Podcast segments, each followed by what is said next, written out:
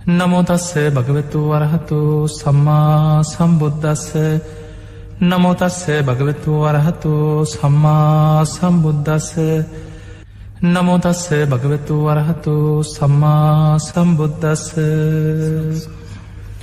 හැම දෙනාටම තෙරුවන්සන්න ප්‍රාර්ථනා කරමින් අදත් ඔබ හැම දෙනාම බොහුම් සද්ධාවෙන් උතුම් ධර්ම දේශනාව ශ්‍රවනය කරන්න සූදානන් වෙන මොහොත. මේ උතුම් ධර්මශ්‍රවනයත් නිවන්දොරටුවක් බවට පත්වේවා කියල අපි මුලින්ම ආශිර්වාද ප්‍රාර්ථනා කරන. පිංහතුනේ බෝධි සත්වයන් වහන්සේලා කියන්නේ යම් ඉලක්කයක් හිත තුළ දරාගෙන සසර මහා පින්කරගෙන පින්කරගෙන සසරදුකින් නිදහස්වීම පිණිස පමණක් නොවෙයි අනික් සත්වයන්වත් සංසාරදුකින් එතර කරවීම අරමුණු කරගෙන සසර මහා කැපකිරීමක් කරන මහා පින්වන්ත උත්තමයන් පිරිසක්. ඒ අතර ලෝතුරා බුද්ධත්වයට පත්වෙන මහා පින්වන්ත උත්තමයන් වහන්සේලා පුංචි කාලයක් නෙමෙයි. මනෝ ප්‍රනිධානය වාක් ප්‍රනිධානය සම්පූර්ණ කරලා නියත විවරණ ලැබූ තැනයිදං ප්‍රඥ්ඥාධික බෝසතාණන් වහන්සේලා සාරා සංකේය කල්ප ලක්ෂයක් දසපාරමී පුරාගෙන තමන්ගේ ඉලක්කයේ තුළ සසර පින්කරගෙන පාරමී ධර්ම පුරාගෙන ගමන් කරන. ඒ අතර සද්ධාධික බෝසතාණන් වහන්සේලා අටහා සංකයේ කල්පලක්ෂයකුත් වීරියාධික බෝසතාණන් වහන්සේලා සොලොසා සංකයේ කල්පලක්ෂයකුත් දසපාරමී සම්පූර්ණ කරනු. ඒ අතර පාරමී උපපාරමී පරමත්ත පාරමී හැටියට මේ දස පාරමිතා තිස් ආකාරයකට සම්පූර්ණ කරගන්නවා ලෝතුරා බුද්ධත්තේ පිණිස ගමන් කරන මහා පින්වන්ත බෝසතාණන් වහන්සේලා. ඊළඟට පිංහතුනේ පසේ බුදු කෙනෙක් වෙන්න පෙරුම් පුරාගෙන පාරමී පුරාගෙන යන කෙනෙක් ඉන්නවන. අසංකේය දෙහෙකුත් කල්ප ලක්ෂයක් පාරමී උපපාරමී සම්පූර්ණ කළ යුතුයි. ඊළඟට අග්‍රශ්‍රාවකයන් වහන්සේලා අසංකේයකුත් කල්ප ලක්ෂයක් පුරාම පාරමී ධර්ම සම්පූර්ණ කරනවා අග්‍රශ්‍රාවක තනතුරු ලබන්. අසූ මහශ්‍රාවකයන් වහන්සේලා ඊළඟට බෝසතාණන් වහන්සේ බුදුවෙන ආත්මි මව්පදවිය පිය පදවිය ඊළඟට ඒ ඒ යම් යම් තනතුරු ප්‍රාර්ථනා කරන අය කල්ප ලක්සේ බැගින් මේ පාරමී ධර්ම පුරාගෙන සසර පින් කරගෙන ඒ ඉලක්කෙ හිත මත දරාගෙන සිතේ දරාගෙන ගුණධර්ම පුරනු. පිංහතුනේ අග්‍රශ්‍රාවකයන් වහන්සේලා කියන්නේ අසංකේයකුත් කල්පලක්ෂයක් පාරමී පුරන. තැන් අපි දන්න අපේ බුද්ධ ශාසනය තුළ සාරිපුත්ත මොග්ගල්ලාන මහරහත්තන් වහන්සේලා. අසංකේයකොත් කල්ප ලක්ෂයක් පාරමී පුරාග නැවිල්ල තමයි මේ බුද්ධ ශාසනයේ අග සහු තනතුරු ලැබුයි.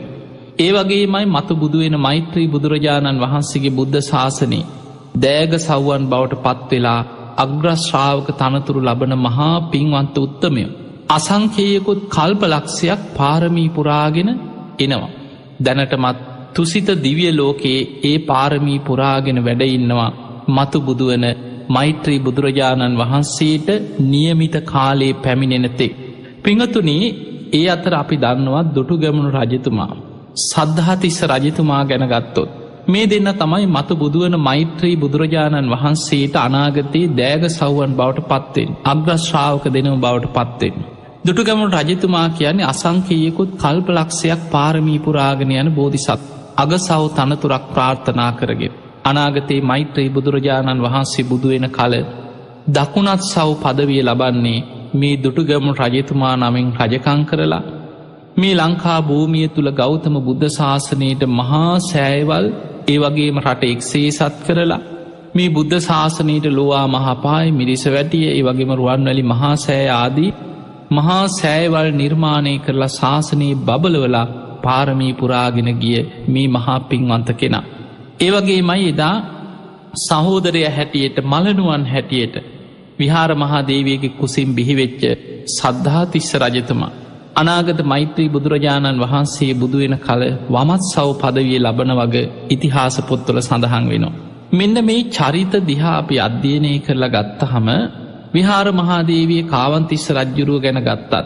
ඉතිහාසෙ සඳහන් වෙන්නේ මේ අය මතු බුදුවන මෛත්‍රී බෝසතාණන් වහන්සේගේ ගිහි කල මෑනියම් බවට පත්වෙන්න පියාණන් බවට පත්වෙන්න කල්ප ලක්ෂයක් පෙරුම්පුරාගෙන යන මහා පින්වන්ත දෙන්නේ. ඔබ දන්නවා විහාර මහාදේවිය එදා කැලනිතිස්ස රජ්ජුරුවන්ගේ දූ කුමරිය. කැලනිතිස්ස රජ්ජුරුවන්ගේ යම් අධර්ම ක්‍රියාවක් නිසා එදා කැලනී වැඩහිටිය උතුම් මහරහතන් වහන්සේ නමක් ගැන ඇතිවෙච්ච සැකයක් තුළ ඒ මහරහතන් වහන්සේට විශාල අපරාධයක් සිද්ධ කරාමේ කැලනි තිස්ස රජ්ජුරු. තෙල් කටාරමක දාලා උන්වහන්සේට දඩුවන් කරන්න වදකයන්ට අන කරා. උන්වහන්සේත් නොකළ වරදකට මේ රාජ දනුවමකට ලක්වුණේ පෙර සසරකරපු අකුසල විපාකයක් මත හැබැයි එදා මේ කුපිත වෙච්ච මේ රජ්ජුරුව කිසිම හෙවිල්ලක් බැලිල්ලක් නැතුව. තමන්ගේ දේවියත් එක් අනියම් සම්බන්ධයක් තියෙනවා කියලා ඇතිවෙච්ච සැකය තුළ තමයි ඒ වෙලාය මනකරේ මේ ශ්‍රමණයාව තෙල් හැලියක දාලා රත් කරලා උන්වහන්සේට දනුවන් කරන්න කියලා. හැබැයි එදා උන්වහන්සේ පළඟක් බැඳගෙන මේ හැලිය මත තෙල්වල නොගෑවී සමාපත්තියෙන් වැඩහිටිය. කොච්චර කුපිත වනාද කියන්න මේ රජ්ජුරුවෝ දැන් අර තෙල් හැලියට උනු තෙල් හැලියට දර දානවා දානවා ඉහිල කිව ස්වාමී මේ රජතුමනි චර දර දැම්මත් මේ ශ්‍රමණය පිළිස්සෙන්නෑක තවදාපල්ලකි. තුර්බාන කොච්චර දවේශයක් වෛරයක් මත නොමග ගියාත් එදා කැලන්තිස්ස රජ්ජුරු. මේ හැලිය මත්තම සමාපත්තියෙන් වැඩහිටිය මේ මහරහතන් වහන්සේ බැලුවා ඇයි මට මෙහෙම නොකළ වරදකට දනුවමක් ලැබෙන්. මම පෙරකරපු සසර අකුසලයක් උන්වහන්සේ දැක්කා පෙර සංසාරිකරපු අකුසල විපාකයක් මේ කැරකිලායින්නේ. ඒ නිසා එදා ඒ මතම පිරිනිවන් පාණ්ඩ තීරණය කර උන්වහන්සගේ ආවිශත් ගෙවිල අවසාන එදා ඒ මතම උන්වහන්සේ පිරිනිවන් පෑව. එදා මේ රජ්ජුරුවෝ කුපිත වෙලා උන්වහන්සේ පිරිනිවන් පෑවට පස්සෙත් වදකයන්ට අනකරා කෑලි කෑලිවලට කපල. අතපය කපලක් ශරීරය කොටස් වෙන් කරලා මුහදට විසිකර පල්ලක්. එදා රජ්ජුරුවන්ගේ රාජානයෙන් මේ කැලනිතිස්ස මහරහතන් වහන්සේගේ මේ ශරීරය පවා කොටස් වොලට කපල මුහදට විසි කරා. මේ මහා පාපී ක්‍රියාවත් එක්ක සමුඩ්ඩවානිජ දේවතාවරු. ඒ වගේම මේ දෙවියන්ගේ කෝපයක් ඇතිවෙලා මුහුද ගොඩගලන් පටන්ගත්. ගම්මාන එද්දාස් දෙසිය ගානක් යටවේගෙනාව කියන මුහුද රට ඇතුළට ගලාගෙන ගලාගෙනාව. එදා යුදුම් ගානක් කැලනිය ඉඳම් මුහුද දක්වා යුදුම් හතක පමණ දුරක් තිබුණ කියන. එයින් යොදුම් පහක් විතර රට ඇතුළට මුහුද ගලාගෙන ගලාගෙන එනකොට. මිනිස්සුන්ගේ ගම්බින් ගෙවල්දරුවල් යටවේගෙන මහ මුහුද මේ ස්භාව ධර්මය කෝප වෙලා රට ඇතුළට මුහුද ගලනකොට එදා රජ්ජුරුව බය වුණා කලබල වුණා. දැන් තමන් කරපු පාපී දුෂ්ට ක්‍රියාවත් එක්ක තමන්ට කරගන්න දෙයක් නෑ. හැබැයි රජතුමාගේ අනාවැකි කියන අය ශිවරු එදා හිටපු අනාගතය ගැන කියන අය ඔවුන් කියා හිටිය රජතුමනි දේවකෝපයක් මේක දේව සාපයක් වගේ. රජතුමාට මේකෙන් බේරෙන් එකම එක දෙයයි තියෙන්නේ. තමන්ගේ පවුලෙ කෙනෙක් ඒ වෙනකොට හිටිය තමන්ගේ දූකුමරිය පවුලෙ කෙනෙක්. මේ මහා සාගරයට බිලි කරන්න මේ සාගරයට පරිත්‍යයාගයක් කරලා රජ්ජුරුවන්ට බේරෙන්න්න නම් කැපකිරීමක් කරන්න වෙන රට බේරගන්න රට වැසියම් බේරගන්න මේ මහා සාගරී කුපිත වෙලා තියෙන්නේ කියෝ. දේව කෝපයක් කියෝ. එදා එඩිතරව ඉදිරිපත් වනේ මේ මහා පින්වන්ත මේ කුමාරිකාව. කල්ප ලක්ෂයක් පෙරුම් පුරාගෙන යනවා මතු බුදුවෙන මෛත්‍රී බුදුරජාණන් වහන්සේගේ ගිහි කල මෑනියන් බවට පත්වෙන්න. මේ විදියට පෙරුම් පුරාගෙන යන මේ මහා පින්වන්ත කෙනා එදා ඉදිරිපත් වනා රජතුමනි මම ඉදිරිපත්වෙනවා. රජතුමනි මම මේ රටවැසියන් වෙනුවෙන් මේ මහා සාගරය වෙනුවෙන් මං ඉදිරිපත්වෙනවා කෙළ ඉදිරිපත් වුණා. එහෙම ඉදිරිපත් වෙලා එදා ලස්සන්ට පුංචි බෝට්ටුවක් වගේ සරසලා මේක සටහනක් තිබ්බා කැලෙන තිස්ස රජ්ජුරුවන්ගේ දූ කුමරියයි කියලා සටහන් කරලා කන්න බොඩ්න බඩු කෑම බීම ටිකකුත් මේ බෝට්ටුවට දාලා පාකරල මුහුදට පාකර ලැරිය. බලන්න එදා කිසිම බියක් සැකක් නැතුව රට වෙනුවෙන් තමන්ගේ රටවැසියන් වෙනුවෙන් තමන්ගේ ජීවිතයේ පරිත්‍යාග කරලා මුහුදට බිලිවෙන්න ඉදිරිපත්වෙච්ච ඊය වීර මාතාව තමයි එදා විහාර මහාදේවිය කියලා අපි හඳුන්නන්. මේ විහාර මහාදේවී ගිහිල්ලා එදා මේ බෝට්ටුව මේ මුහුදට බිලිවෙනවා සමගම මුහුදු රල රට ඇතුළට වේගින් ආපු රල ටික ටික ටික ටික ටික ආපහු පහවෙලා ගියා කියනු. එදා මේ කැල්නිතිස්ස දූ කුමරිය කැල්තිස්ස රජ්ජුරුවන්ගේ දූ කුමරිය වෙච්ච විහාර මහාදේවිය ගොඩ බහින්නේ මේ විදිහට ගිය මේ බෝට්ටුව පාවෙලා පාවෙලා යන්නේ එදා දකුණට එදා රෝහණේ මේ ප්‍රදේශයට තමයි ගිහිල්ලා ගොඩ බහින්නේ. එදා ඒ ප්‍රදේශයේ රජකං කරන්නේ කාවන්තිස්ස රජ්ජුරු.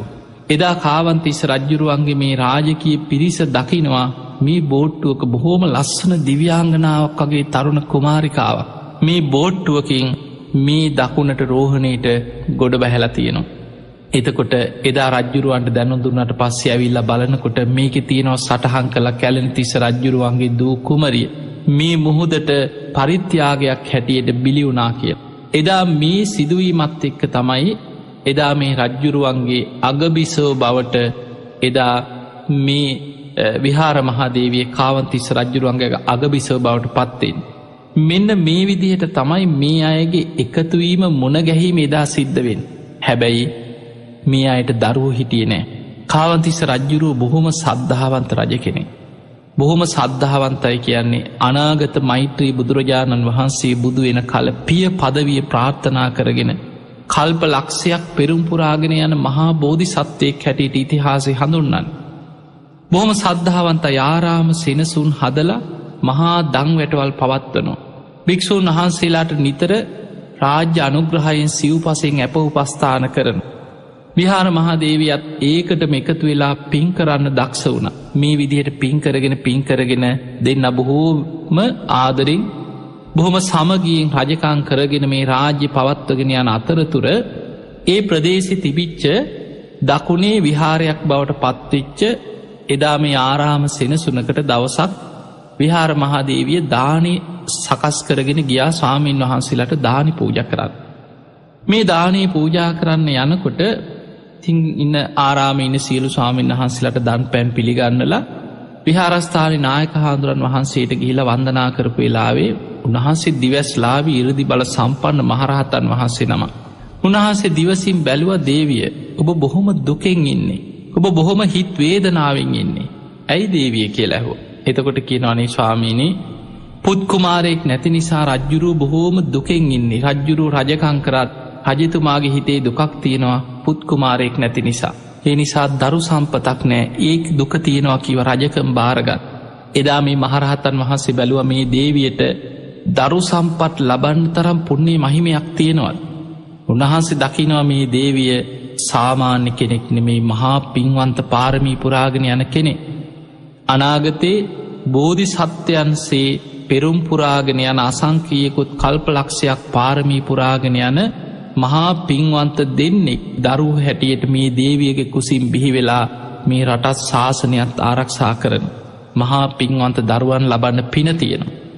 ඒ අයි දැන් කොහෙද ඉන්න කියලා මේ මහරහතන් වහන්සේ දිවසිම් බලනකොට දැක්කා මේ ආරාමිම බොහෝම රෝගාතුර වෙලා හිටිය ස්වාමීන් වහන්සේ නමක් මේ මහරහත්තන් වහන්සේ දැක් ඒ තමයි එදා දුටුගැමුණු රජ්ජුරු හැටියට පහළ වෙච්ච කෙනා ඊට පෙරත් දෙව්ලොවින් මනුලොවට ඇවිල්ලා ඒ වෙනකොට යාරාමි සිල් ගුණ දහම් රැකගෙන පාරමී පුරාගෙන බොහෝම සිල්වත්තු ගුණුවත්ත තුසිත දෙව්ලොව හිත පිහිටවාගෙන උන්වහන්සේ වැඩඉන්න.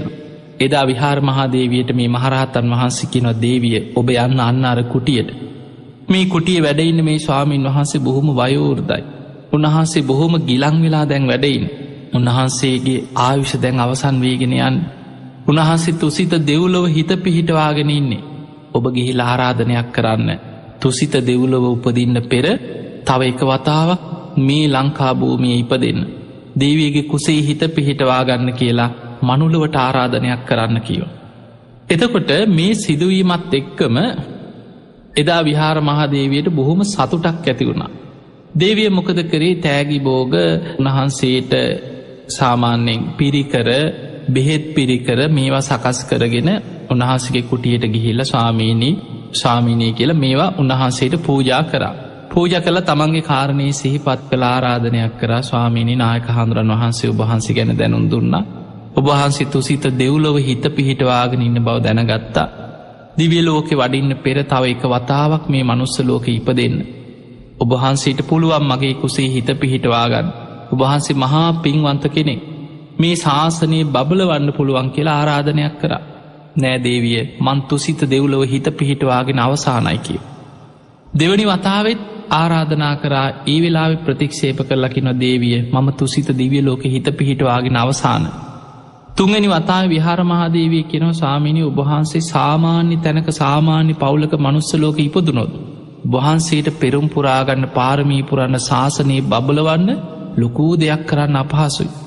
නමුත් ඔබහන්සේ රජකං කරන රජ පවුලක ඉපදුනොත් රටත් ශාසනයත් බබලෝල වෙහිර විහාර ඉදි කරලා බුද්ධ ශාසනයේ බබලවල පාරමී පුරාගන්න පහසුයි.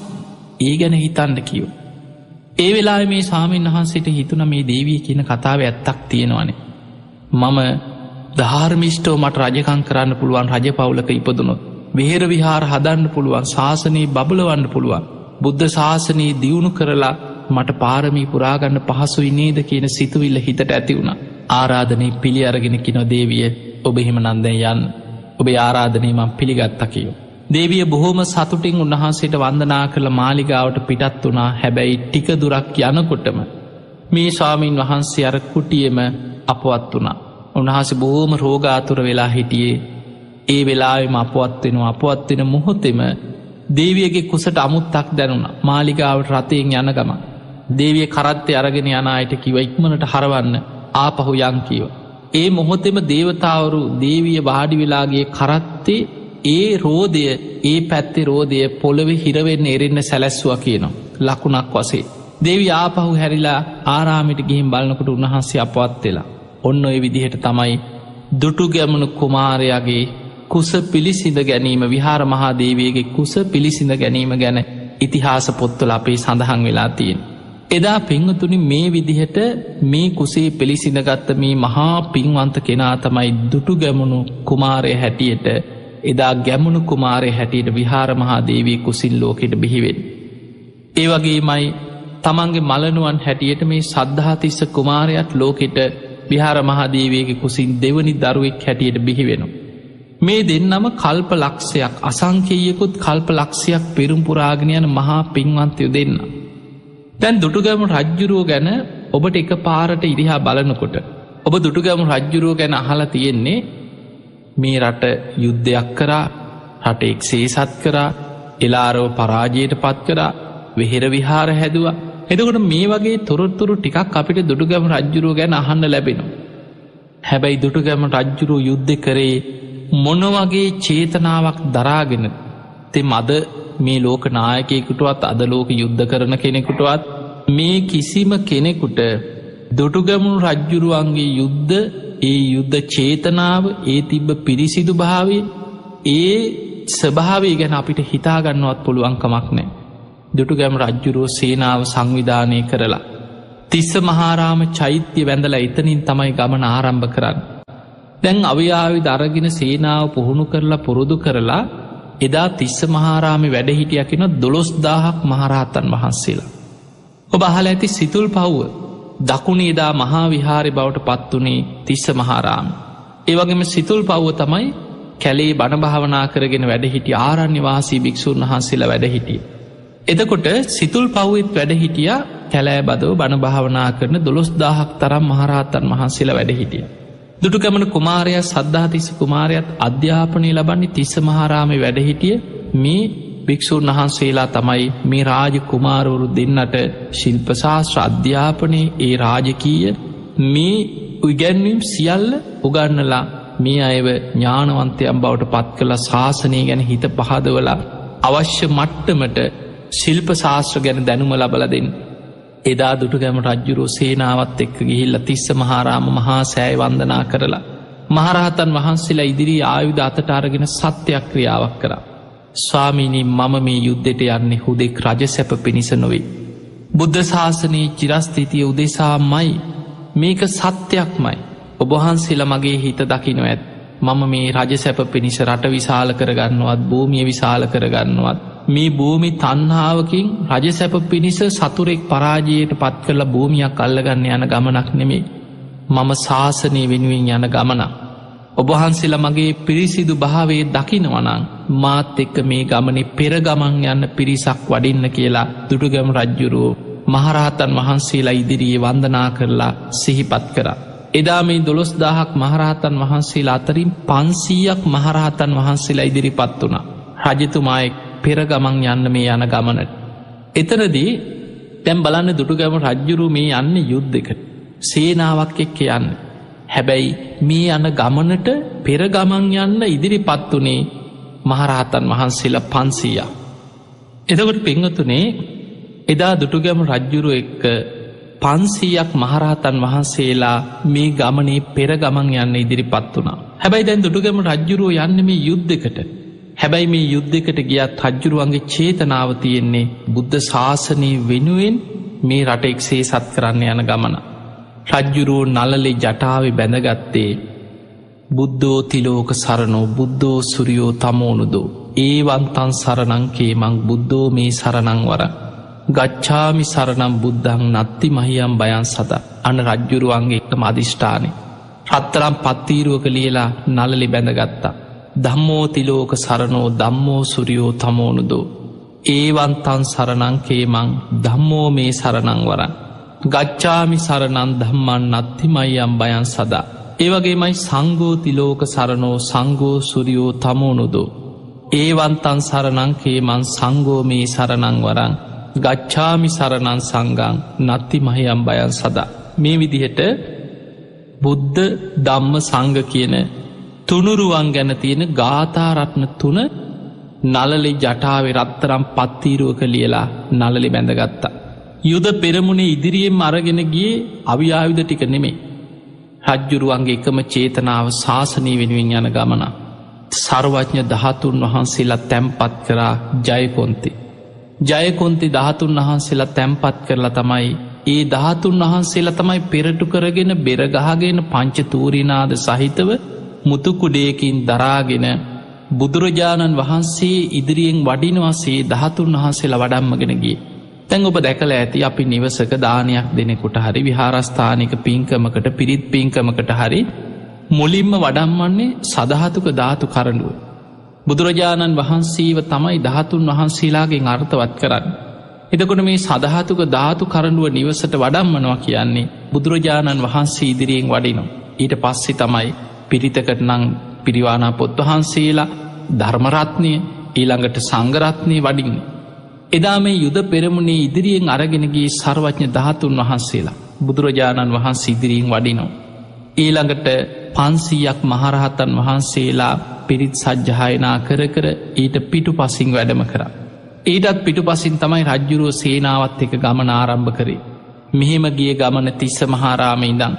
එදා රාත්‍රී ටික දුරක් ගමන් කරලා හවස් වෙනකොට බොහොම ලස්සන මණ්ඩපයක් හදලා දහතුන් වහන්සේලා තැම්පත් කරලා ගිලම් පස බුද්ධ පූජාවල් තියලා බුදුන් ඇඳල සංඝයාට ගිලම් පස පූජා කරලා එදා රාත්‍රී නිදාගන්න.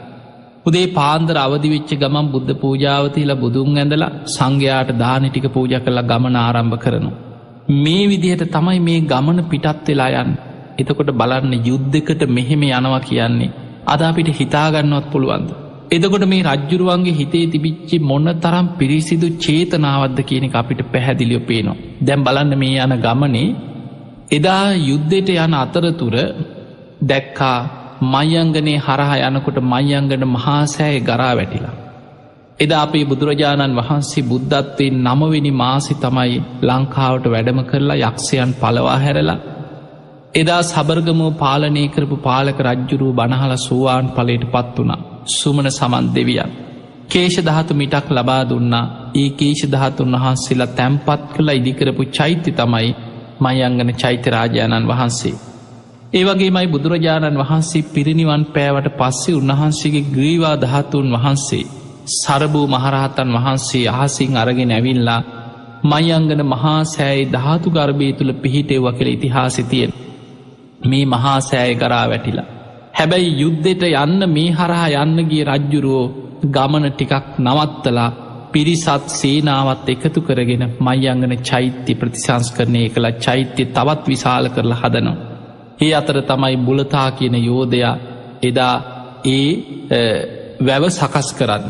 එතකොට අපිට පේනවා මේ විදිහට රජ්ජුරුව යන ගමන තුළ යම් ප්‍රදේශයක් කරහා යනවන්ද ඒ ප්‍රදේශි විහෙර විහාර ප්‍රතිසංස්කරණය කරගෙන වැැව් සකස් කරගෙන රටට මහා භාග්‍යයක් කරගෙන තමයි මේ යුද්ධයට යන ගමන පවා මේ බෝධිසත්වයන් වහන්සේ මේ ගමන ආරම්භ කරන්න. එතකොට අපිට පේනවා මේ යුද්ධ පෙරමුණේ ගිහිල්ල එදා මේ රට එක්සේ සත් කරගත්ත දුටු ගැමු රජ්ජුරු දැම් බලන්න එලාර මේ රට අවුරුදු හතලිස් ගානක් පාලනය කරපු මේ සොලී පාලකෙක් හැටියට ඉතිහාසි සඳහන් වෙනවා. හැබැයි එලාර පරාජයට පත් කරලා මේ රට එක්සේ සත් කරපු දුටු ගැවුන් රජ්ජුරු. කවදාවත් එලාරගින් පරම්පරාවෙන් මුළු සියලු සොලීන්ගෙන් පලිගන්න කල්පනා කරේ නෑ. එලාර වෙනුවෙනුත් මහා සෑයක් ඉදි කෙරෙව. එලාර රජ්ජුරුව වෙනුවෙන් චෛත්‍යයක් ඉදි කර. ඒ විතරක් නෙමේ දුටුගැම රජ්ජුරුව අන කරා කිසිම කෙනෙක් මේ එලාරගේ සොහොන සෑයක් හැටියට ඉදිකරපු මේ තැන මෙතනින් නට නටායන්න එපා බෙරගගහයන්න එපා තොප්පිදාගෙන මෙතන ඒ විදිහට අගෞරෝ වෙන විදියට හැසිරෙන් එපා දැන් අනුරාධපුර නගර අවුරුදු ගණනාවකට පස්සේ දුටුගැම රජ්ජුරුවෝ මුදවාගත්ත සොලීන්ගේ දැන් අනුරාධපුරේ ජයශ්‍රී මහ බෝධීන් වහන්සේ වැඩඉන්න. මේ බෝධීන් වහන්සේ ආරක්ෂා වනේ මහා පුදුම විදිහට එලාර අවුරුදු හතලිස් ගානක් මේ ප්‍රදේශ පාලනය කරත් ජයශ්‍රී මහා බෝධීන් වහන්සේට හානියක් කරගන්න බැරිවුණාහුට. ඒ අතර දුඩුගැම රජ්ජුරු යුද්ධය අවසන් කරලා සේනාවත් එක්ක ඉස්සල්ලාමගේ ජයශ්‍රී මහ බෝධීන් වහන්සේට බෝධි පූජාවක්තිය. මේ යන ගමනේ බෝධීන් වහන්සේට පුද පූජාවන් කරලා යයිශ්‍රීමා බෝධීන් වහන්සිට බෝධි පූජාතියල වන්දනා කරලා බුදුන් ඇඳලා එන අතරතුර තමයි අමාත්‍යවරේ මහමෙවුනා උයනේ නිදහස්සේ ඇවිදගෙන ඇවිදගෙන මේ උයන්සිරි නරමගෙන එනකොට තමයි දකින්නේ එදා සෙල් ටැබ එදා මිහිදු මහරහතන් වහන්සේ දේවානම්පේ තිස්ස රජ්ජුරුවන්ට අනාගතේ නුබේ මුණුබුරෙක් හැටියට පහළ වෙන. දුටු ගැමුණු නම් රජ කෙනෙක් මේ රට එක්සේ සත් කරලා මේ භූමියයේ මහා සෑයක් කරවනවා කියලා මේ කියපු අනාගත වාක්‍යය සඳහන් කරපු සෙල් ටැඹ දකිනෝ. ඒ විතරක් නෙවෙයි සංඝයා උදෙසා නවමහල් ප්‍රාසාදයක් ඉදි කෙරෙව්ව. මිරිස වැඩි චෛත්‍යරාජාණන් වහන්සේ ඉදිකරවන්නේ දුටුගැම රජ්ජුරු. දැන් යුද්ධ අවසන් වෙච්ච ගමන් දුටුගැම රජ්ජුරු ඉස්සරලාම කරේ සංඝයා රැස් කරන. සංඝයා රැස් කරල මහා සංඝයාට කියනවා ස්වාමිනි ඔබහන්සේලා මේ අවුරුදු ගණනාවක් මේ යුද්ධ නිසා ඔබහන්සේලා පීඩාවට පත්වෙන්න ඇති. මේ රටවැසියන්ටත් බොහෝ පීඩාවන් සිද්ධ වුණා. ඔබහන්සේලාට හරියට පෝය කර්ම විනේ කර්ම කරගන්න පවා නොහැකි වෙන්න ඇති. ඒ නිසා ස්වාමීණි මං මුලින්ම ඔබහන්සේලාට පෝය කර්ම විනේ කර්ම කරන්න පෝයගයක් හදල පූජ කරන්න. ඔබහන්සේලා මට සුදුසු සැලස්මක් ගෙනත් දෙන්න කියව. ඒ වෙලාවෙ රජතුමාගේ මේ ඉල්ලීමට සතුටු වෙච්ච මහරහතන් වහන්සේලා සංඝයා රැස්වෙලා අට නමක් මහරහතන් වහන්සේලාට පැවරුවා අහසින් ගිහිල්ලත් දෙව්ලොවට රජ්ජුරු ඉල්ලුවේ මට දිවිය විමානික සැලැස්මක් ගෙනත්දේ.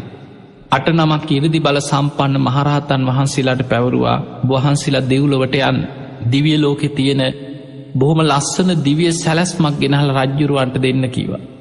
එදා බිහිරණී කෙන දිව්‍යාංගනාවට තවතිසා දෙව්ලෝ පහළවෙච්ච නවමහල් සට්ටුවනින් පහළවෙච්ච දිවිය විමානයක් තිබුණ. මේ විමානය අනෙත් විමාන අභිභවා බැබලෙනවා සට්ටුවනේ. මෙන්න මේ විමානි සැලැස්ම අරගෙන ඇවිල්ලා අටනමක් මහරහතන් වහන්සේල් රජ්ජුරුවන්ට දුන්නා රජතමනි මෙන්න මේ දිවිය විමානි. තවතිසා දෙව්ලෝ බිහිරණී කෙන දිව්‍යාංගනාවට පහළ වෙලා තියෙන දිවිය විමාන. මේක නවමහල් දිවිය විමානයක්. මේ විදිහෙට පෝයගයක් කරලා සංඝයාට පූජා කරවන්න ඒ ඒ මහල තුළ ඒ ඒ භික්‍ෂූන් වහන්සේලාට පෝය කර්ම කරන්න සුදුසු වෙන ආකාරයට. රජතුමා බොහොම සතුරට පත්වෙලා සංඝයා වෙනුවෙන් මේ නවමහල් ප්‍රාසාදය අදාපි කැන ලුවා මහාපාය. මේ පෝයගේ තමයි කරලා සංඝයාට පූජා කරන්න. මේ මහා පින්කම කරන අතරතුර තමයි දුටු ගැවුන් රජ්ජුරුව දවසක් නාන්න ගිය වෙලාවේ. එදා ජයකොන්තෙ තරගෙනම ගියා. ජයකොන්තෙ තමයි රජ්ජුරුවන්ගේ ජයග්‍රහණි සංකේ. මේ ජයකොන්තෙ තුළ තැම්පත් කළ තියෙන සර්වඥ ධාතුන් වහන්සේලා. මේක රජතුමා යනකොට ඉදිරියේ පෙරහැරින් බෙරගහගෙන පංචතූරියනාද සහිතව ධාතු කරඩුවක් පඩම්මන වගේ මුතුකුඩ දරාගෙන බොහොම ගෞරවාන්විතව තමයි මේ ජයකොන්තෙ වඩම්මගෙනගේ. එදා මේ යන ගමන රජතුමාට හිතෙනවා දැම් මෙතනදි පැම් පහසු වෙලාගියොත් හොඳයි. එදා එතන තියෙන ගල් තලාව මත මේ ජයකොන්තේ බොහොම ගෞරවාන්විතව තැම්පත් කරලා ඒ පිරිසට කිව ආරක්ෂාවට වටේට වැඩයි. ඒ අය හරියට බුදුරජාණන් වහන්සේට පවන් සලන වගේ පවන් සලමින් සේසත් දරාගෙන මේ ජයකොන්තෙළඟ මේ රාජකී පිරිස වැඩයි නතරතුර රජ්ජුරුවෝ එදා බසවක් කුළම වැවෙන් පැම් පහසුනා. එදා පැම් පහසු වෙලා නාල ගොඩට ඇවිල්ලා මේ ජයකොන්තෙ ගන්න සූදානන් වෙනකොට ජයකොන්තෙ ගන්න පුළුවන්කමක් නෑ අර ගල මත එහෙමම පිහිටලා. එදා පුදුමට පත්වෙලාකින රජතුමනි මේ ජයකොන්ත එහෙමම පොළොව පිහිටල මොකද අපි කරන්නකි. ඒ වෙලාවේ රජතුමා ඉක්මනට සංඝයා රැස් කරලා සංඝයාගෙන් විමසනා ස්වාමීනි හරිම පුදුමයි හරිම ආශ්චාරය මධ්‍යයා. මේ ජයකොන්ත මෙතන මේ භූමියම පිහිටල තියෙන. දැන් අපි මොකද කරන්න කිය. එදා වැඩහිට එරදි බල සම්පන්න මහරහතන් වහන්සේලා කියන රජතුමනි ඔය ජයකොන්තෙ පිහිටල තියෙන තැන. අපේ බුදුරජාණන් වහන්සේ තුංගනි වතාවේ ලංකාවට වැඩම කරපු ගමනේ පන්සීයක් මහරහතන් වහන්සේලා සමඟ මෙතන සමාපත්තියෙන් වැඩහිටිය තැන. ඒ නිසා ඔය ජයකොන්තේ තැම්පත් කරලම් මෙතන මහා සෑයක් චෛත්‍යයක් කරවන්. ඒ තමයි මිරිස වැටි චෛත්‍යරාජාණන් වහන්සේ. එදා ජයකොන්තේ නිදන් කරලා දුටු ගැමුණු රජ්ජුරු අනුරාධපුර නගරේ රුවන්වැලි මහා සෑ ඉදි කරන්න පෙර තමයි මිරිස වැටි චෛත්‍යරාජාණන් වහන්සේ ඉදි කරන්න. ඉදි කරලා මහා සංඝයා රැස් කරලා මේ මිරිස වැටි චෛත්‍යය ජයකොන්තෙ නිදං කරපු ශාසනයට සඟ සතු කරලා පූජා කරන. දැම් බලන්න මේ විදිහට මේ දුටුගැමු රජ්ජුරෝ කියන්නේ මොන තරම් මහා පින් කන්දරාවක් රැස්කරගත්ත බෝධි සත්ව චරිතයක්ද. ඒ අතරතුර රජ්ජුරුවෝ රටේ දියුණුව වෙනුවෙන් වැව් පොකුණු කෙරෙව්වා වෙහෙර විහාර කෙරෙව්වා ගම් සංවර්ධනය කරා මේ කරගෙන යනකොට අර සෙල් ටැබේ තියෙන තොරතුරු ගැන දැන් රජ්ජුරුව හිත හිතා ඉන්නවා මේ භූමියයේ මහා සෑයක් කරවනවා කියලා සෙල් ටැබේ සඳහන් වෙලා තියෙනවා. පිංහතුනී ඔය දුටුගම රජ්ජුරුවෝරු වන්වැලි මහා සෑය කරවන සිදුවීම. අපේ බුදුරජාණන් වහන්සේත් බුදු ඇසින් දකිනවා. උන්වහන්සේ බුදු ඇසින් දැකළ මහා කාශිප මහරහතන් වහන්සේට මේක දේශනා කරලා තිබුණා අපේ බුදුරජාණන් වහන්සේ ජියවමානො වැඩඉන්න කාලේ. අනාගතයේ උන්වහන්සේගේ ධාතුන් වහන්සේලා බෙදිල යන ආකාරයත් ඒ ධාතුන් වහන්සේලාගෙන් ප්‍රාමගාම නගරේ කෝලි රජදරුවන්ට ලැබෙන ධාතු ද්‍රෝණය ලංකා භූමියයට ලැබෙන ආකාරයත් අනාගතයේ ස්වර්ණමාලි මහාසෑය නමින් ලංකා භූමියයේ පහළ වෙන දුටු ගැමණු නම් රජ කෙනෙ මහා සෑයක් කරවලා දහතුන් වහන්සේලා ද්‍රෝණයක් තැම්පත් කරන මේ විස්තරය මහාකාශිප මහරහතන් වහන්සේව අපේ බුදුරජාණන් වහන්සේ දැනුවත් කරපු විස්තරයක් දේශනාවල සඳහන් වෙනවා. මේක සඳහන් වෙන්නේ පළවෙනි ධර්ම සංගායනාවෙන් පස්සේ. එදා ද්‍රෝණ අටකට බෙදල දීපු සර්වඥ ධාතුන් වහන්සේලාට අනාගතයේ අන්‍ය තීර්ථකයන්ගෙන් අන්‍ය රජවරුන්ගෙන් හානි සිද්ධ වෙන බව එදා මහාකාශප මහරහතන් වහන්සේ දවසක් භාවනා කරනකොට දිවසින් දකිනෝ. උන්හසේ කල්පනා කරා කොහොමද අපි දහතුන් වහන්සේලාගේ ආරක්ෂාව වෙනුවෙන් මොකක්ද කළ යුතු. අර බෙදලදීපු ධාතුන් වහන්සේලා ද්‍රෝණ අටෙන් එක් ද්‍රෝණයක් නං ආරක්ෂිතයි ඒක බුද්ධාධිෂ්ඨානය. ඒ තමයි රුවන් වැලි මහා සෑට ලැබෙන දහතු ද්‍රෝණේ අනික් ධාතුන් වහන්සේලා ද්‍රෝණ හතම එකතු කරලා පොළොව ඇතුළේ වාල සංගටකේ නම් වූ ආරක්ෂිත තැනක පොළොව ඇතුළේ ධාතු නිධානයක් කළ යුතුයි. මෙන්න මේ කාරණා සියල්ල භාවනාවෙන් දකින මහාකාශප මහරහතන් වහන්සේ එදා අජාසත්ත රජ්ජුරුව කැඳවල රජ්ජුරුවන්ට දැනුන් දුන්න රජතුමනී අපි බෙදාදීපු ධාතුන් වහන්සේලා ද්‍රෝණාට ද්‍රෝණ හතක් ආපහු එකතු කර යුතුයි. අනාගතයේ දහතුන් වහන්සේලාට විශාල හානියක් උපද්‍රවයක් සිද්ධවෙත්. එදා මේ මත අර බෙදලදීපු ධාතුන් වහන්සේලා ආපහු එකතු කෙරෙව්වා. ඒ සෑවල්ලොල ඒ චෛත්‍යවල ධාතුන් වහන්සේලා ඉතාම ස්වල්පේ බැගින් තියෙන් නැරලා ඒ ධාතුන් වහන්සේලා ආපහු මහා කාශිප මහරහතන් වහන්සේගේ මූලිකත්වයෙන් රජදරුව දැනුවත් කරලා ධාතුන් වහන්සේලා ආපහු ලබාගත්. හැබැයි මේ සියල්ලට අනුග්‍රහයි දුන්නේ අජාසත්ත රජ්ජුරු රජ්ජුරෝකිව ස්වාමීනි මම ධාතු නිධානයට කටයුතු සංවිධානය කරන්න. පොළොව ඇතුළේ දහතුන් වහන්සේලා නිදං කරන්න ඔබහන්සේලාගේ අවශ්‍යතාවය පරිදි ඔබහන්සේලා මට උපදෙස් දෙන විදිහට මං හැමදේම කරන්න. හැබැයි ඒ ඒ රජදරුවන්ට බෙදාදීපු ධාතුන් වහන්සේලා ආපහු ඉල්ල ගැනීම උබහන්සේ සතුයි. මොකද ධාතුන් වහන්සේලා බෙදල දෙන වෙලාවෙත් තව පොඩ්ඩිං යුද්ධකට පැටලෙන්න වෙනවා. ඒ නිසා මම ධාතුන් වහන්සේලා පහු ඉල්ලන්න ගියොත් ඔවුන් මායික යුද්ධ කරන්නේවි. ඒ නිසා ඔබහන්සේලාට ඒක බාරයි. ආරක්ෂා කරන කටයුතු තුළ ගොඩනැගිලි ඉදිකිරීම පොළොව ඇතුළේ ආරක්ෂා කරවීම ඒ ආරක්ෂිත වැඩපිළිවල ඒවමං කරන්නම් කියව. ඔය විදිහට අර බෙදලදීපු ධාතුන් වහන්සේලා ද්‍රෝණ අටෙන් ද්‍රෝණ හතක් එකතු කරා. එකතු කරලා රජකහනුවර විශාල් ගල් පරොත්යක් පිහිටි භූමියේ පර්වතය උන්වහන්සේලා ඉරදියෙන් එතනින් අතුරු දහන් කරලා එතන තමයිකින පොළොව ඇතුළට හාරලා වටේට බැඳල පොළොව ඇතුළේ චෛත්‍යයක් හැටියට සකස් කරන. මේ චෛත්‍යය තුළ අර එකතු කරගත්ත ධාතුන් වහන්සේලා ද්‍රෝණ හතම කරඩු හතක තැම්පත් කරන. එතනදී අජාසත්ත රජ්ජුරු වහනවා මහාකාශිප මහරහතන් වහන්සේගෙන් ස්වාමීණී. බුදුරජාණන් වහන්සේගේ ධාතුන් වහන්සේලා ද්‍රෝණ අටක්නේ. ඇයි අපි ද්‍රෝණ හතක් විතරක් ආරක්ෂා කරන්න. කෝ රාමගාම නගරි කෝලිය රජදරුවන්ට ලබාදීපු ධාතුන් වහන්සේලා ද්‍රෝණය කියලා. අන්න එතනදී මහාකාශිප මහරහතන් වහන්සේ දේශනා කරනවා රජතුමනී ඒ දහතුන් වහන්සේලා ද්‍රෝණය අපි අමුතුවෙන් ආරක්ෂා කළ යුතු නෑ. බුද්ධ අධිෂ්ඨානයක් මත ඔය ධාතුන් වහන්සේලා ද්‍රෝණයම තව ටික කාලෙකින් නාගලෝකිට යනවා කියව.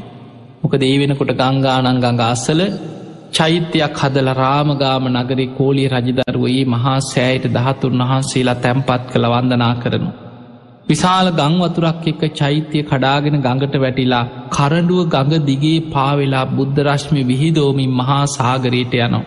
සාගරයේ මත ගිලෙන්නේ නැතුව බුද්ධරශ්මි විහිදමින් පාවෙන මේ කරඩුව දකින නාගලෝකෙ නාගයන් කරඩුව නාගලෝකට අරගෙන යනවා. නාගලෝකයේදී අවුරුදු ගණනාවක් නා රජවරු ධාතු මන්දිර මවාගෙන මේ ධාතුන් වහන්සේලාට පුද පූජා කරනවා. රජතුමනි ඔය නාගලෝකට අරගෙන ගිය ධාතු කරනුව. අනාගතයේ ලංකා භූමියේ දුටු ගැමුණු නම් මහා පින්වන්ත බෝධි සත්ව රජ කෙනෙක් පහළ වෙලා. මහා සෑයක් කරවලා නාගලෝකෙන් ඔය ධාතුන් වහන්සේ අරගෙන ඇවිල්ලා මේ මහා සෑයි තැම්පත් කරනවා. ඒක බුද්ධාධිෂ්ඨානයක්. බුදුරජාණන් වහන්සේ මේ කාරණී බුදු වැසින් දැකළ දේශනා කරලා තියෙන්. එනිසා රජතමනයේ ධාතුන් වහන්සේලාගේ ආරක්ෂාව ගැන අපි කලබලවිය යුතු නෑකියෝ. එතකොට බලන්න බුදුරජාණන් වහන්සේ පවා අනාගතයේ මේ රුවන්වැලි මහා සෑ ඉදිවෙන ආකාරය. ධාතුන් වහන්සේලා රුවන්වැලි මහා සෑයට ලැබෙන මේ සියලු සිදුවීම් බුදු ඇසින් දැකලා දේශනා කරපු විස්තර ඉතිහාසි සඳහන් වෙනවා. ඒවගේමයි මිහිදු මහරහතන් වහන්සේ ලංකාවට වැඩම කරලා දේවානම්පේ තිස්ස රජ්ජුරුවන්ටත් මේ කාරණය ඔය විදිහටම කියනවා රජතුමනී ඔබේ මොනුපුරෙක් වන දුටුගැමුණු නම් රජ කෙනෙක් මේ භූමියේ මහා සෑ ඉදි කරවනු. මොකද ඒකට හේතුව දේවානම්පේ තිස්ස රජ්ජුරුවෝ මේ භූමියේ මහා සෑයක් ඉදිවෙනවා කියලා මිහිදු මහරහතන් වහන්සේගෙන් දැනගත්ත වෙලාවේ. රජ්ජුරුව කියන අනේ ස්වාමිනියේ සෑය මම ඉදි කරන්න ඔබහන්සේ මට උපදෙස්තෙන් එතන දිතාම මිහිදු මහරහතන් වහන්සේකෙන් රජතුමනි ඔබ මේකට සුදුස්සන්නෙමෙයි. අනාගති ඔබේ මුණබුරෙක් පෙරුම් පුරාගෙන යන මහා පින්වන්ත බෝධි සත්තයෙක් මේ චෛත්‍ය ඉදි කරන්නම ලෝකෙට පහළ වෙනවා කියෝ. එතකොට දේවානම් පිතිස් රජ්ජුරෝකින ස්වාමීණී මගේ මුණබුරෙක් නම් මේ මහා සෑ ඉදි කරන්න මම ඉදිකරා හා සමානයි. එහෙමනං ඔබහන්සේලා මට උපදෙස් දෙන්න ඊට අවශ්‍ය වෙන විදිට මංමකක්ද කළ යුත්තේ. අන්නේ උපදෙස් පරිදි තමයි එදා සෙල් ටැඹේ මේ සියලු තොරතුරු සටහන් කරලා සෙල් ටැඹක් පිහිටෙව. මේ තොරතුරුත් එක්ක තමයි රුවන්වැලි මහා සෑ ඉදි කරන භූමිය එදා දුටුගැමුණු රජතුමාට අනුරාධපුරේ නිදහස් කරගත්තට පස්ස මේ භූමිය හොයාගෙන මේ භූමියේ මහා සෑ ඉදි කරන සියලු කටයුතු සංවිධානය කරගන්න ලැබුණේ. පිංහතු නීරුවන්වැලි මහා සෑය කියන්නේ මේ තුන් ලෝකෙම තියෙන පූජනියම චෛත්‍යරාජාණන් වහන්සේ. අද දෙව්ලොව තියෙන සිළුමිනි මහා සෑදිහා ගත්තත්. බඹලව බ්‍රහ්ම දෙවියන් වන්දනා කරන සළුමිනි මහා සෑදිහා බැලුවත්. ඒවගේම නාගලෝකෙ නාගයන් අදත් දහතු මන්දිර මවාගෙන සට්ටුවනින් යුක්තව මුතු මැනික් ශක්ෂිලා වෙරළුමිනි ආදී මැනික්වර්ග අතුරලා දහතුන් වහන්සේලාට නාලෝ වැඳුම් පිදුම් කරනු. මේ මනුලොව දඹදිව තියෙන සිද්ධස්ථාන දිහා බැලුවත් මේ ලංකා භූමියම තියෙන සෑම චෛත්‍යයක් දිහා බලාගෙන ගියත් මේ දස දහසක් ලෝක දහතුව දිහා බැලුවත් වැඩිපුරම සර්වඥ දහතුන් වහන්සේලා ප්‍රමාණයක් වැඩඉන්න මේ තුන් ලෝකෙම තියෙන පූජනියම චෛත්‍යරාජාණන් වහන්සේ තමයි රුවන්වැලි මහාසෑයි. ඒවගේම රුවන්වැලි මහාසෑය කියන්නේ අවුරුදු පන්දාහක් යන්නතෙක්. දෙව්මිනිසුන්ගේ වන්දනා ලබමින් ධාතු පරිනිර්වාණය වන තෙක් කිසිම ස්භාවික විපතකටවත් හානියක් කරන්න බැරිවෙන ආකාරයට ආරක්ෂා වෙලා පවතින මහා සෑයක්. අපි දන්නවා පෘතුගීසි ලන්දේ සිංග්‍රීසි යුගවල මේ චෛත්‍ය ගරා වැටුන් හැබැයි ගරා වැටෙන්නේ ඔය පිටිං තියෙන ඔය ආලේප කරලා තින් සමයිට ගඩොල් ටික වටේ තියෙන ඒ කපරාදුව මේ ටික කඩාගෙන වැටුනට ධාතු ගර්භය මේ ඇතුළේ තියෙන මේ ධාතුන් වහන්සේලා නිර්මාණ ඒවයි ආකාරිම පවතිනු. මහරහතන් වහන්සේලාගේ අධිෂ්ඨානය මත අවුරුදු පන්දාහක් පවතින ආකාරයට අධිෂ්ඨාන කරලා තුම් මහල් පේශා වලල්ල පමණක් නම වතාවක් පොළොවට ගිලා බැස්සෙව්. ඔය පේශාවලලු තුන වගේ නම වතාවක් ඇතුළට ගිලා බැහැපු පේශා වලලු තුනේ ඒවන් නමයක් ගඩොල් අනූකෝටියක අත්තිවාරමක් මත තමයි මේ මහා සෑ ඉති වෙලා තියෙන්. ඒ පේශාවලලු තුන බැගින් ඉරදි බල සම්පන්න රහතන් වහන්සේලා නම වතාවක් පොළොවට මේ මහා චෛත්‍ය ඉදි කරන මේ භූමිය ගිලා බස්වන්නේ අනාගතයේ ස්වභාවික විපතකින් භූමි කම්පාවකින් කිසිම හේතුවකින් මේ මහා සෑයට හානියක් උපට්‍රවයක් ඇති නොවෙන්. එනිසා මේ තුන් ලෝකීම ගත්තාම අදටත් තුනුරුවන්ගේ බුද්ධ ශක්තිය ධර්මී තියෙන ශක්තිය ඒ වගේම මහරහතන් වහන්සේලාගේ ශක්තිය මේ තුනුරුවන්ගේ බලය පැත්තෙන් ගත්තොත් තුනුරුවන්ගේ ශක්තිය පැත්තෙන් ගත්තොත් රුවන්වැලි මහාසෑය තරම් බල සම්පන්න තැන රුවන්වැලි මහාසෑය තරම් පූජනීය තැනක් ඒ තරත් දෙව්බමුන්ගේ වන්දනා ලබන චෛත්‍යයක් මේ තුන් ලෝකෙම අපට දකින්න පුළුවන්කමක් නෑ. ඔබ අහල ඇති අතීතයේ මේ අනුරාධපුරේ රජකං කරපු භාතිකාබෙ රජ්ජුරු. මේ භාතිකාබෙ රජ්ජුරුවෝ තමන්ගේ රටවැසියන්ට අමාත්‍යවරු පත් කරලා. රටේ ඒ ඒ පලාත් වෙන වෙනම මල්වවන්න කාලයක් යොමු කරා. රුවන්වැලි මහා සෑම මලින් පුදන්න රජ්ජුරු තීරණය කරලා. එදා මේ භාතිකාපේ රජ්ජුරුව රටේ එක ප්‍රදේශයක් අමාත්‍යවරුන්ට පැවරුවා ඉද්ද වවන්න. තවත් රටේ එක ප්‍රදේශයක් දෑ සමන් මවන්න කියෝ. ඊළඟට සමන් පිච්ච. ඔය විදිහට ලංකාව පුරාම සුවඳ මල්වර්ග රජතුමාගේ රාජ්‍ය අනුග්‍රහයෙන් අමාත්‍යවරු යොදෝල වගා කෙරව්. අද අපි අස්වැන්න නිලනවා වගේ එදා රටපුරා මිනිස්සු යොදෝලා ඒ ඒ පලාත්වල මල් වගා කරලා. මේ සියලුම මල්වර්ග එකතු කර කර එකතු කර කර එකම දිනයක රටීම මිනිස්සු එකතු කරලා. මල් කරත්තවලින් අරගෙන ඇවිල් ඇවිල්ලා රුවන්වැලි මහා සෑය මල් ඔටුන්නක් වගේ මල්වලින් සැරසුව කියලා ඉතිහාස සඳහන් වෙනවා. එතකොට අපිට පේන අතීත රජෝරු මේ මහා සෑය මලින් පුදල තියෙන මේ ආකාරයෙන්. මේ දුටුගැමුණු රජ්ජුරුව අදත් දුටුගැමුණු දෙවියන් නමින් දෙව්ලෝ වැඩඉන්න. දුටුගැමුණු රජ්ජුරුවන්ගේ අවසන් සුසුම් පොද හෙලන්නේ මීරුවන් වැලි මහා සෑ සලපතල මළුයි. එදා මේ මහා සෑ දෙස බලාගෙන බුදුගුණ සිහිකර කර මේ මහා බෝධි සත්වයන් වහන්සේ. මහා සෑය දෙස බලාගෙන වන්දනා කරද්දී ලක්සගනන් රහතන් වහන්සේ ලහසි මහා සෑ මළුවට එකතුුණා. රජ්ජුරූ කරපු පින්කම් සියල්ල පිම්පොත බලාගෙන අමාත්‍යවරයෙක් සිහිකරන අතරතුර රුවන්වැලි මහා සෑයට ඉහ ලහස සම්පූර්ණයෙන්ම දෙවියන්ගෙන් වැහිලගිය. දිවිය රත හයක් අහස ඉදන් රජ්ජුරුවන්ට ඒ ඒ දිවිය රතවලට අඩගහනෝ. රජතුමායෙන් අපේ දිවිය ලෝකෙට. නෑනෑ රජ්ජුරුවෙන් අපේ දෙව්ලෝට නෑනෑ රජ්ජුරුවෙන් අපේ දිවිය ලෝකෙට කියලා. රජතුමාව දෙව්ලෝට අරගෙන යන්න රුවන්වැලි මහා සෑ මළුව දෙවියන්ගෙන් පිරිලගයා කියෙන්. එදා පිරිත් අහල අවසන් වෙච්ච දුටු ගැමු රජ්ජුරුවෝ. එතන වැඩහිටිය මහරහතන් වහන්සේලා අතරින් තේරපුත්තාබි මහරහතන් වහන්සේගේ විමසවා ස්වාමීනී මෛත්‍රී බෝසතාණන් වහන්සේ වැඩඉන්න මොන දෙව්ලෝද. මේ දිවිය ලෝක හයිම්ම දෙවියම් මට අඩගහනු. එතකොට උන්වහන්සිකිනොත් තුසිත දෙව්ලවයි. එහෙමනම් මමත් තුසිත දෙව්ලෝම හිත පිහිටෝනවා කියලා නින්දෙම් පිබිදිය වගේ මහා සෑම් මළුවේම අවසන් හුස්ම හෙළලා තුසිත දිවිය ලෝකෙන් ආපු දිවිය රතේ පහළ වනා කියන. අදටත් දුටු ගැමුණු දෙවියන් තුසිත දෙව්ලොව දෙවියන් පිරිවරාගෙන වැඩඉන්නවා.